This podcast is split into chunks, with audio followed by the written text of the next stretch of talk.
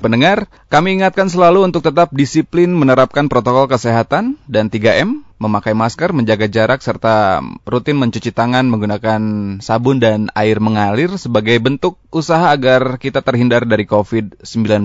Sambil menunggu juga program vaksinasi yang tengah disiapkan oleh pemerintah saat ini. Berbicara mengenai vaksinasi, pendengar vaksin COVID-19 ini tengah dibicarakan oleh masyarakat dunia dan juga tidak terkecuali di Indonesia. Antusiasme publik mengenai vaksin COVID-19 ini meningkat sejak kedatangan Sinovac atau vaksin dari perusahaan Sinovac beberapa waktu lalu. Meski demikian, vaksin yang tersedia saat ini masih harus melalui tahapan uji coba kembali dari BPOM sebelum diedarkan. Selain itu, efikasinya pun masih terus ditelaah lebih lanjut oleh berbagai pihak yang mempunyai otoritas. Nah, pembahasan mengenai vaksin COVID-19 ini akan kita bahas bersama Ibu Iis Rukmawati SSI, MMK selaku apoteker penanggung jawab apotek UPT Puskesmas Ibrahim Aji dan juga AOC Kota Bandung. Halo Ibu Iis. Halo. Iya. Dengan Tio Ibu, apa kabar? Iya, alhamdulillah. Alhamdulillah. Ibu Iis sedang berkegiatan di puskesmas atau sedang di mana? Iya, lagi pelayanan. Jadi barusan saya lupa oh udah jamnya. Oh, udah jamnya ya. Boleh saya tebak ya, Bu ya? Berarti Ibu sekarang juga sedang menunggu vaksinasi COVID-19 ya, Bu? Iya benar ya, semua Betul. menanti. Semua menanti. Ibu juga mengikuti perkembangannya, Bu? Iya, Hmm. harus. Mhm. Terima kasih banyak sebelumnya Ibu telah meluangkan waktu bersama kami dan pendengar untuk Anda yang ingin berinteraksi langsung bersama kami atau bersama Ibu Iis Rukmawati, Anda bisa menghubungi line SMS kami ataupun juga line WhatsApp di 0811 2012 948. Baik, Ibu, mengenai vaksin COVID-19 ini yang sedang trending topik saat ini, Bu. Tanggapan Ibu mengenai program vaksinasi dan juga yang saat ini sedang atau vaksin yang sedang diuji klinis bagaimana, Bu? Ya, oke. Jadi masyarakat perlu paham dulu ya, eh, Hmm. vaksin ini tidak menyelamatkan nyawa, Hmm. namun program vaksin ini adalah yang akan menyelamatkan nyawa banyak orang, Mhm. gitu ya. Karena apa? Efikasi vaksin itu hanyalah satu dari banyak faktor yang mempengaruhi kesuksesan program vaksinasi ini, Mhm, mhm, gitu mhm. ya. Jadi efikasi vaksin ini merupakan penilaian kinerja sebuah kandidat vaksin dalam suatu kondisi yang terkontrol, Mhm. yaitu kita menunggu uji klinis Mhm. eh, fase 3 gitu ya, seperti Iya. itu. Jadi nilai efikasi vaksin ini dikembangkan merujuk pada kemampuan vaksin tersebut Mhm. untuk mengurangi gejala COVID-19 yang simptomatik atau yang bergejala. Mhm. Ya, jadi belum dapat dipastikan bahwa vaksin dapat menghambat penyebaran virus, tetapi adalah nilai yang diberikan dari tingkat manfaat vaksin pada dunia nyata gitu. Mhm. Jadi Baik, di sini berbagai faktor lain juga akan mempengaruhi nilai efikasi ini. baik. Seperti seberapa banyak sih atau seberapa baik program mengatasi penyebaran 3M-nya dan 3T-nya gitu ya. Mhm. 3M itu kan mencuci tangan dengan baik. Ya. Jadi ke, ke pribadi orang ya ya, Iya. menjaga jarak, menghindari kerumunan, menggunakan masker Ya. gitu. Dan keberhasilan eh, selanjutnya itu vaksin akan berhasil Mhm. apabila eh, masyarakatnya juga sudah ikut disiplin gitu Mhm. ya.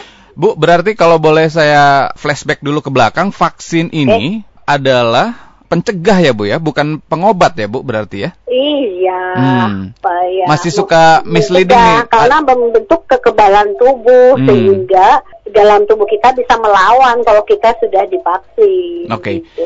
Nah, berarti kalau boleh digambarkan bagaimana ini populasi dengan vaksin atau yang tanpa vaksin, Bu? Ini bisa Ibu tetap tanggapan Ibu bagaimana, Bu? Iya, Hmm. kalau yang tidak diimunisasi, terus orang sakit, terus menular, menularkan penyakitnya, itu akan Iya. lebih tinggi, gitu ya. Mhm. Kalau yang belum diimunisasi, tetapi masih sehat, Mhm. Ini juga sama bersiko tinggi. Hmm. Kalau sudah diimunisasi dan sehat, Mhm. berarti ini terlindungi dan melindungi orang lain. Hmm. Dan kita tidak tahu. Ah, Sekarang banyak orang OTG, bisa aja jalan-jalan ya orang tidak Iya. bergejala, terus membawa virus itu. Iya, betul. Nah, kena ke orang yang memang daya tahan tubuhnya rentan. Nah, Iya. ini untuk me- suatu yang luar biasa berarti kita sudah bersalah besar. Mhm. Dan vaksin ini tadi yang sempat Ibu bilang adalah di apa seseorang yang harus sehat dulu ya Bu ya. Berarti kalau yang sudah terkena atau terpapar atau terinfeksi COVID ini tidak perlu ya. divaksin lagi atau bagaimana Bu? Iya, uh, itu penelitian bahwa uh, pasien yang sudah ter, uh, terpapar virus hmm. COVID-19 itu hmm. sudah membentuk antibodi. Hmm. Tapi kita masih dalam penelitian, tidak hmm. tidak saat itu kita men mencari uh, bahwa hmm. itu sudah sehat. Hmm. Takutnya gini, yang ya. sudah terkena nanti dia bebas, tidak disiplin gitu kan. Iya, iya betul betul. Seperti itu. Berarti yang yang terkena juga tidak bisa dibilang 100% sembuh atau bebas dari COVID ya, Bu ya? Iya, bisa kambuh lagi. Bisa kambuh lagi ya. ya? Oh, iya, iya. gitu. Nah, Malah perlu hati-hati. Oke, okay. berarti kalau kaitannya dengan herd immunity ini bagaimana, Bu iya. sebetulnya? Jadi sini ya, tujuan imunisasi ini adalah yang pertama ya, untuk menurunkan kesakitan, hmm. kematian akibat COVID-19. Kita fokus ke COVID-19 ya. Yeah, yeah. Karena vaksin itu banyak yang lainnya. Yeah. Dua, untuk mencapai kekebalan tadi, kekebalan kelompok atau herd immunity ini, hmm. Untuk mencegah dan melindungi kesehatan masyarakat. Kan hmm. itu tujuannya. Hmm. Ya. Lalu berikutnya adalah melindungi dan memperkuat sistem kesehatan secara menyeluruh. Berikutnya adalah menjaga produktivitas hmm. dan meminimalkan dampak sosial dan ekonomi dan kembalinya ke situ kan yeah, akhirnya yeah. Harus gotong royong lah ya yeah. masyarakat dengan kami tenaga kesehatan hmm. dari hmm. mana pun stakeholder gitu ya hmm. hari ini alhamdulillah nih Fit hmm. Radio salah satunya yang ikut kontribusi. Alhamdulillah. Ya, terima kasih banyak. Sama-sama Ibu. Nah, um, jadi kalau menurut tanggapan Ibu, herd immunity ini memang tidak akan terbentuk tanpa vaksin, Bu, atau bagaimana? Betul, hmm. betul. Ini salah satu upaya pemerintah dalam uh, memperbaiki semua ya dari faktor kesehatan yang utama, hmm. berikutnya adalah ekonomi, sosial, semua. Hmm. Salah satunya adalah yang ditunggu-tunggu kita ini adalah vaksin. Hmm. Karena belum ada jalan lain. Hmm. Karena belum ada obat yang pasti yang bisa ditem, uh, bisa menyembuhkan untuk atau membunuh virus tersebut. Hmm. Hmm. Hmm. Itu. Yeah. Salah satu upayanya adalah vaksin supaya membentuk kekebalan. Mungkin di Turki eh, yang eh, yeah. COVID di eh, COVID-19 vaksin ini sudah dimulai dilaksanakan yeah, ya. Betul. Mudah-mudahan Indonesia segera. Betul. Ada beberapa negara yang memang sudah mulai melakukan. Hmm vaksinasi ke Betul. warga negaranya dan semoga hasilnya juga baik dan bisa segera diterapkan Amin. juga di Indonesia. Nah, um, kalau boleh saya apa namanya ambil ambil kesimpulan bahwa memang vaksin ini bisa memicu atau bisa menjadi faktor terbentuknya herd immunity begitu ya Bu ya berarti ya? Iya. Garis bawahnya Betul. ya Bu. Baik. Nah, lalu bagaimana dengan kan memang di masyarakat ini selalu ada pro kontra ya Bu? Iya betul. Bagaimana ini tanggapan Ibu nih mengenai pro kontra ya. yang terjadi di masyarakat, Bu? Jadi begini bagi masyarakat hmm. tidak usah was-was cemas, maka hindarilah berita-berita hoax ya. Hmm. Berita hoax itu antara lain biasanya menggunakan orang ahli. Bisa menurut Profesor A, Dokter yeah. B. Nah, yeah. itu perlu dicurigai hoax gitu. Hmm, hmm. Kalau ragu tanya ke hmm. uh, bagian yang uh, terkait dengan uh, rilis hoax itu seperti apa. Banyak sekali ya. Hmm. Sehingga masyarakat jadi apatis, hmm. sekarang bingung juga. Yeah. Apakah saya ragu atau hmm. saya perlu divaksin kan hmm. gitu ya. Hmm. Nah, yakinkan bahwa penelitian ini adalah oleh orang-orang ahli ini ya. Yang sekarang yang melindungi diri kita dan keluarga itu, hmm. nah itu dengan imunisasi jalan satu-satunya. Karena selama 8 bulan ini berapa hmm. betapa ruginya kita, banyak kerugian yang kita alami, hmm. tapi tetap harus disiplin hmm. dengan protokol kesehatan gitu. Yeah. Seperti itu. Salah satu upaya pemerintah adalah vaksin ini. Jangan ada kata hoax vaksin ini karena buatan Cina. Cina sendiri nggak pakai katanya gitu ya.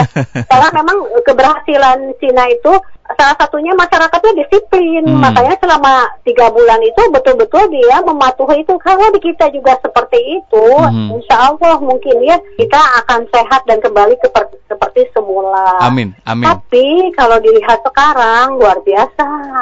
Yang dibilang luar biasa itu seperti apa, Bu? Ya, luar biasa itu sudah sudah abai ya lah. Mungkin sudah abai ya. Saya maklum masyarakat itu ada rasa jenuh dan hmm. ingin kepastian kan seperti itu ya. Terus dikejar dengan kebutuhan ekonomi yang begitu mendesak. Saya hmm. juga tidak menyalahkan masyarakat seperti itu, tapi hmm. salah satu upaya adalah menjaga diri sendiri dan keluarga. Karena banyak juga Betul. ada kejadian kemarin pasien anaknya datang dari uh, luar kota hmm. ya dari luar luar daerah hmm. masuk ke ke Bandung hmm. ibunya terpapar ibunya punya komorbid nah itu hmm. banyak sekali kejadian seperti itu hmm. dia tidak menyadari datang membawa wabah gitu hmm. nah ibu belum dalam perjalanan dia selama yeah. dalam perjalanan kita tidak tahu yeah, siapa betul. yang akan terpapar oleh jadi anggap diri sendiri itu bukan untuk menjaga diri sendiri itu berarti menolong orang gitu. Iya. Kalau saya pakai masker, saya menolong orang lain takut terpapar dari saya, mm -hmm. gitu mm -hmm. ya. Mm -hmm. Harus punya prinsip seperti itu. Betul.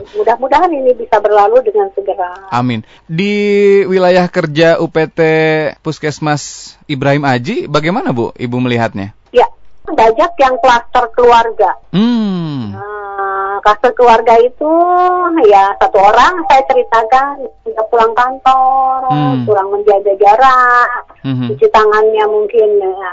Kapan sih kita harus mencuci tangan dengan baik itu? Hmm. Pertama uh, setelah memegang uang kita yeah. hindari itu. Hmm. Kedua setelah dari luar rumah mau wudhu ingat mau wudhu itu kan berkumur menggunakan tangan cuci tangan. Yeah cuci tangannya nggak usah nggak usah pakai hand sanitizer sebetulnya mm -hmm. cuci tangan pakai sabun itu sudah bisa membunuh virus ataupun bakteri gitu ya. Mm -hmm. diajarkan sudah lama pola cuci tangan ini tapi sekarang setelah pandemi baru ngeh orang-orang bahwa pentingnya mencuci tangan. Iya padahal udah dari dulu ya bu iya beberapa tahun ke belakang kita promosi sampai yeah. dinyanyiin ayo yeah. lima langkah cuci tangan Betul. ayo kita cuci tangan yeah. ya itu ya bu ya Baik, pendengar, kami tunggu interaksi dari Anda di line WhatsApp ataupun juga SMS kami di 0811 2102 948. Sekali lagi kami ulangi di 0811 2102 948. Ibu, kita balik lagi ke vaksin Ibu yang okay. yang saat ini memang sedang trending topik ya Bu ya. Nah, informasi yang kami dapat memang ini ada golongan atau uh, orang-orang tertentu yang akan mendapatkan program vaksinasi ini, Bu. Betul. Tanggapannya seperti apa, Bu? Ya. Kenapa tidak dibuat se se se untuk seluruhnya begitu? Oh, gitu. Oke. Okay. yeah.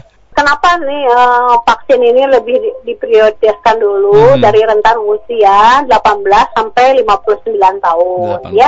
Yang pertama vaksin yeah. itu diberikan kepada garda terdepan mm-hmm. yaitu tenaga kesehatan, mm-hmm. penunjang yang bekerja di fasilitas pelayanan kesehatan, mm-hmm. ya, mm-hmm. itu pada awal ketersediaan vaksin sekarang yang terbatas. Mm-hmm. Lalu yang kedua belum ada data dukung keamanan pemberian imunisasi COVID-19 ini mm-hmm. Pada kelompok usia tua mm-hmm. ataupun komorbid mm-hmm. atau wanita hamil dan menyusui mm-hmm. sehingga itu belum dilakukan untuk vaksin. Oke. Okay. Kan harus ada penelitian dulu. Iya. Ya. ya. Betul. Yang ketiga penyediaan vaksin ini diharapkan uh, multidosis itu dalam rangka optimalisasi kapasitas rantai dingin mm-hmm. dan mhm. indeks pemakaian yang efektif. Mm. Lalu yang keempat untuk membentuk herd immunity tadi. Okay. Jadi imunisasi dapat diberikan pada 70 atau 80 persen sasaran hmm. uh, masyarakat di Indonesia ini. Yeah. Lalu yang berikutnya adalah dilakukan setelah keluarnya emergency use authorization dari BPOM, hmm. baru kita bisa melakukan imunisasi hmm. atau vaksin. Lalu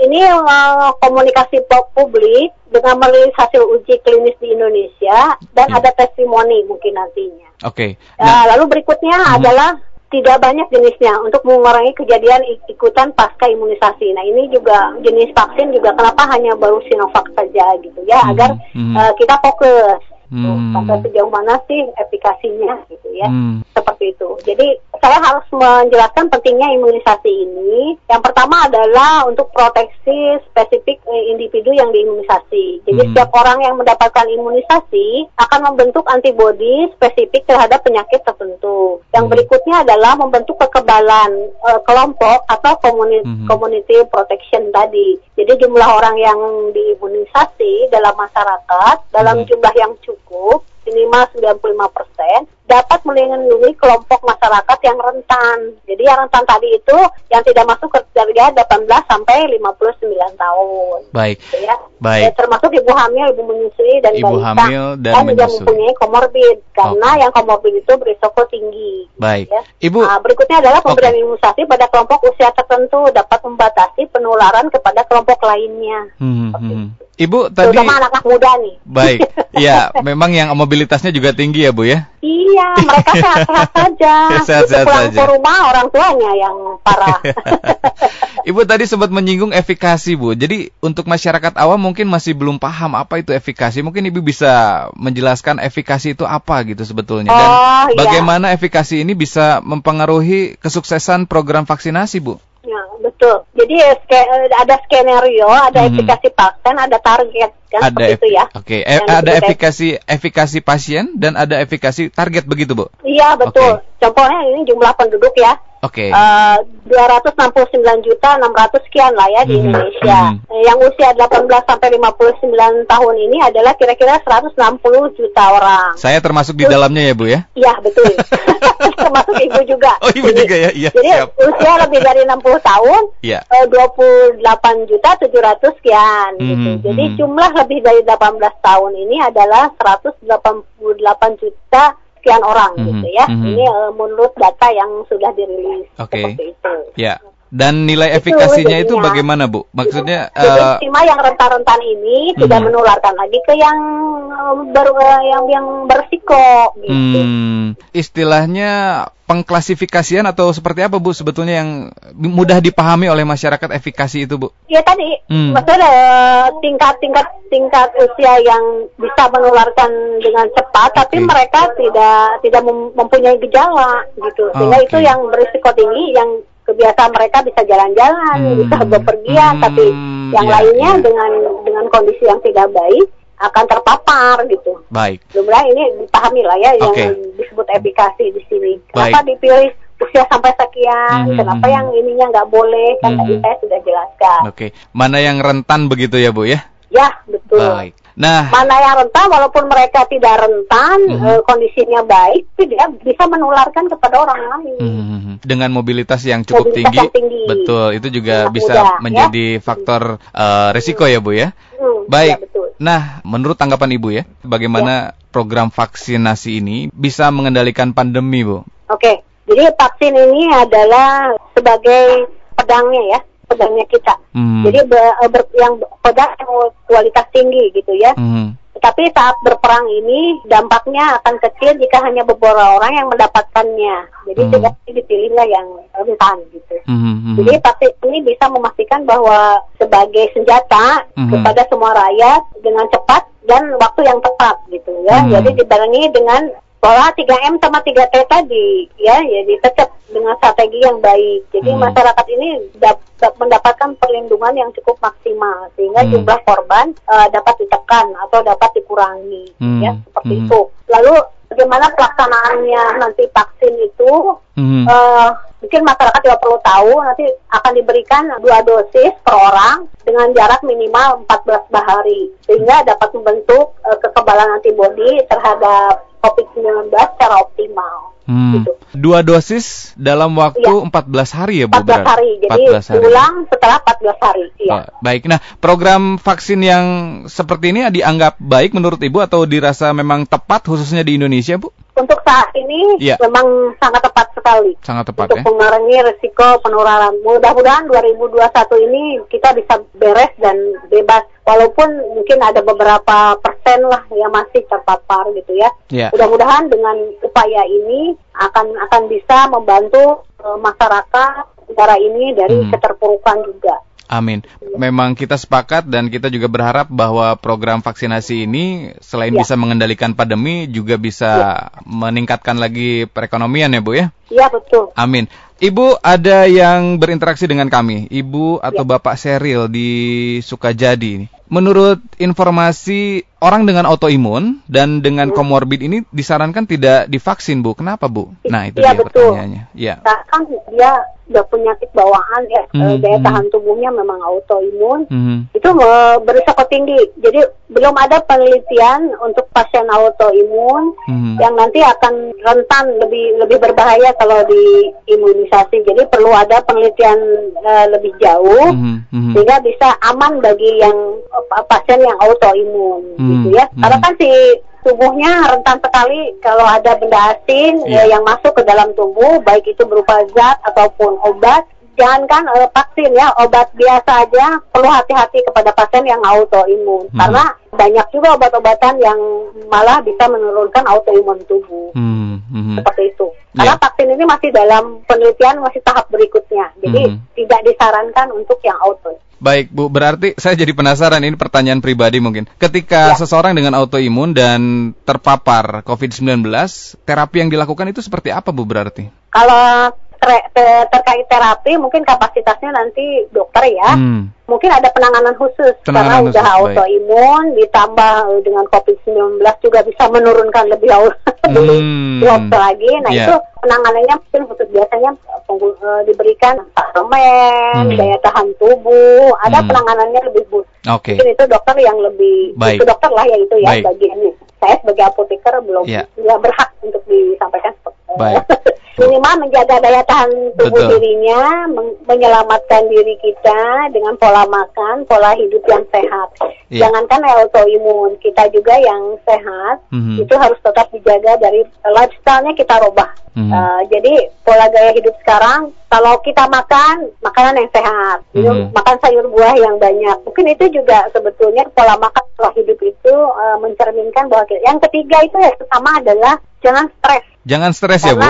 Hmm. Iya, imun itu kan akibat stres juga hmm. pemicunya lebih lebih besar gitu yeah. ya. Iya lebih besar untuk daya tahan tubuh kita hmm. akhirnya jadi menurun. Tetap ceria gitu lah ya. Jadi jangan betul. bersedih. Betul, betul. Kalau sedih itu menurunkan imun kita. Jadi iya. tetap happy, have fun, tapi banyak berdoa juga. Betul. Karena salah satu jalan tidak ada lagi. Eh, Tuhan lah yang menentukan hmm. segalanya. Hmm. Coba kalau lihat negara-negara lain yang begitu sudah maju, mereka hmm. pola hidup sehat, gaya hmm. hidupnya baik, bersih, uh, wilayahnya, tapi kenapa tinggi? Mhm. COVID-19 ini. Benar nggak? Betul iya, sekali. Coba lihat ya. Jadi jangan lupa negara yang sudah maju kan iya. sudah terjaga semuanya. Iya. Tapi kenapa masih bisa kena COVID-19? Hmm. Yaitu balik lagi bahwa yang terakhir adalah doa. Hmm. Tuhanlah segalanya yang akan menentukan Betul. gitu ya. Tapi kita harus sudah upaya. Kalau upaya udah maksimal, tapi tetap saya terkena, hmm. itulah kun upaya kun.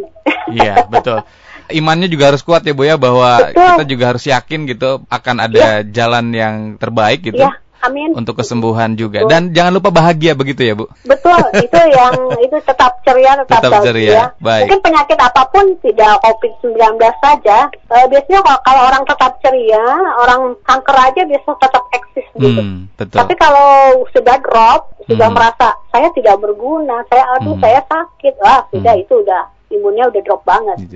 Itu dasarnya ya Bu berarti ya pondasi ya, juga ya. banget. Baik. Ibu ada lagi nih yang yang masuk tapi ini tidak diberi nama. Ya. Katanya ada vaksin yang berbayar dan yang gratis. Perbedaannya apa? Boleh di uh, mungkin kemarin gini, Presiden kita RI sudah apa memberikan statement hmm. bahwa semua masyarakat akan diberikan gratis. Oke. Okay.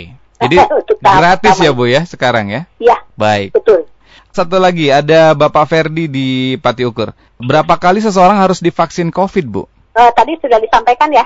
Oh, dua kali itu ya, sudah berarti? dijawab, eh, hmm. dua termin, nanti setelah 14 hari diimunisasi lagi. Jadi dua kali. Jadi dalam rentang waktu dua minggu ya, kurang lebih ya, Bu ya? Ya. ya. Baik.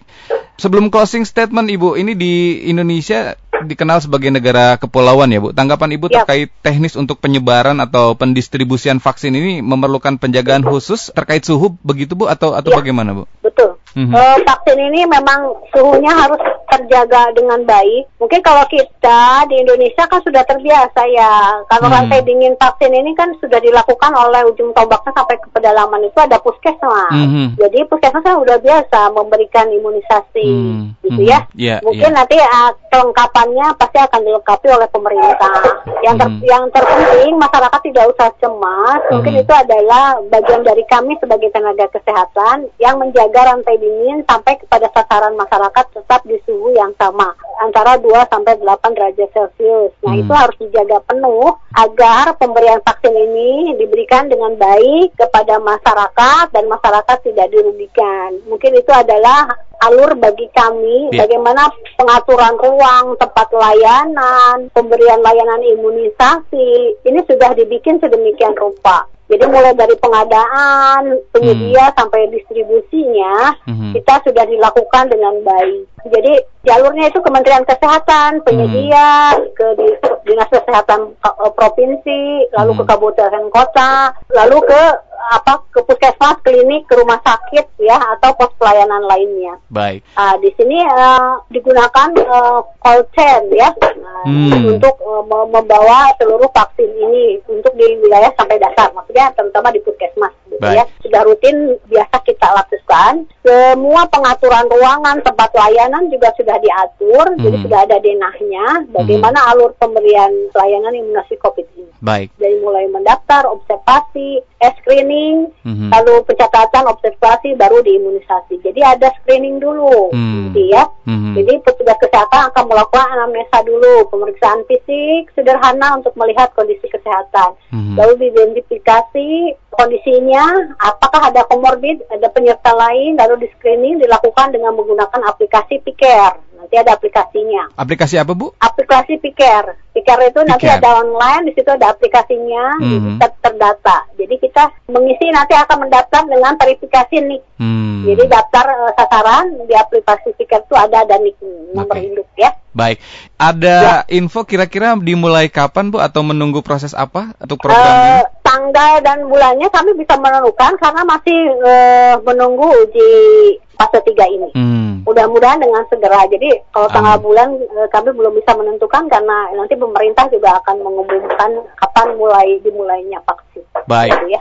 Ibu Iis, terima kasih ya. banyak atas waktunya dan terakhir Ibu closing statement atau pesan yang ingin disampaikan kepada pendengar terkait pembahasan kita mengenai vaksin COVID-19, Bu. Oke, Salah satu upaya pemerintah dalam memenuhi kebutuhan vaksin ini melakukan penjajahan kerjasama dengan badan internasional. Jadi Kementerian Kesehatan telah menyiapkan peraturan SDM, administrasi, logistik gitu ya untuk pelaksanaan vaksin ini. Sehingga vaksin COVID ini sudah disiapkan untuk kekebalan kelompok dapat tercapai apabila target cakupan tinggi dan dilaksanakan dalam waktu singkat dan cepat.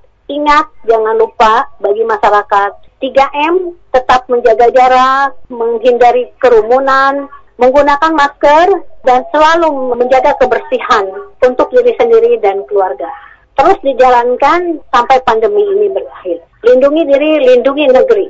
Sehat dimulai dari saya, salam sehat dari kita semua. Mudah-mudahan ini bermanfaat. Mohon maaf kalau ada kata-kata yang kurang berkenan. Assalamualaikum warahmatullahi wabarakatuh. Waalaikumsalam warahmatullahi wabarakatuh. Ya. Terima kasih Ibu Iis. Selamat berkegiatan kembali. Demikian pendengar bersama Ibu Iis Rukmawati APT SSI MMKes selaku apoteker penanggung jawab apotek UPT Puskesmas Ibrahim Aji dan AOC Kota Bandung yang berbincang mengenai vaksin COVID-19.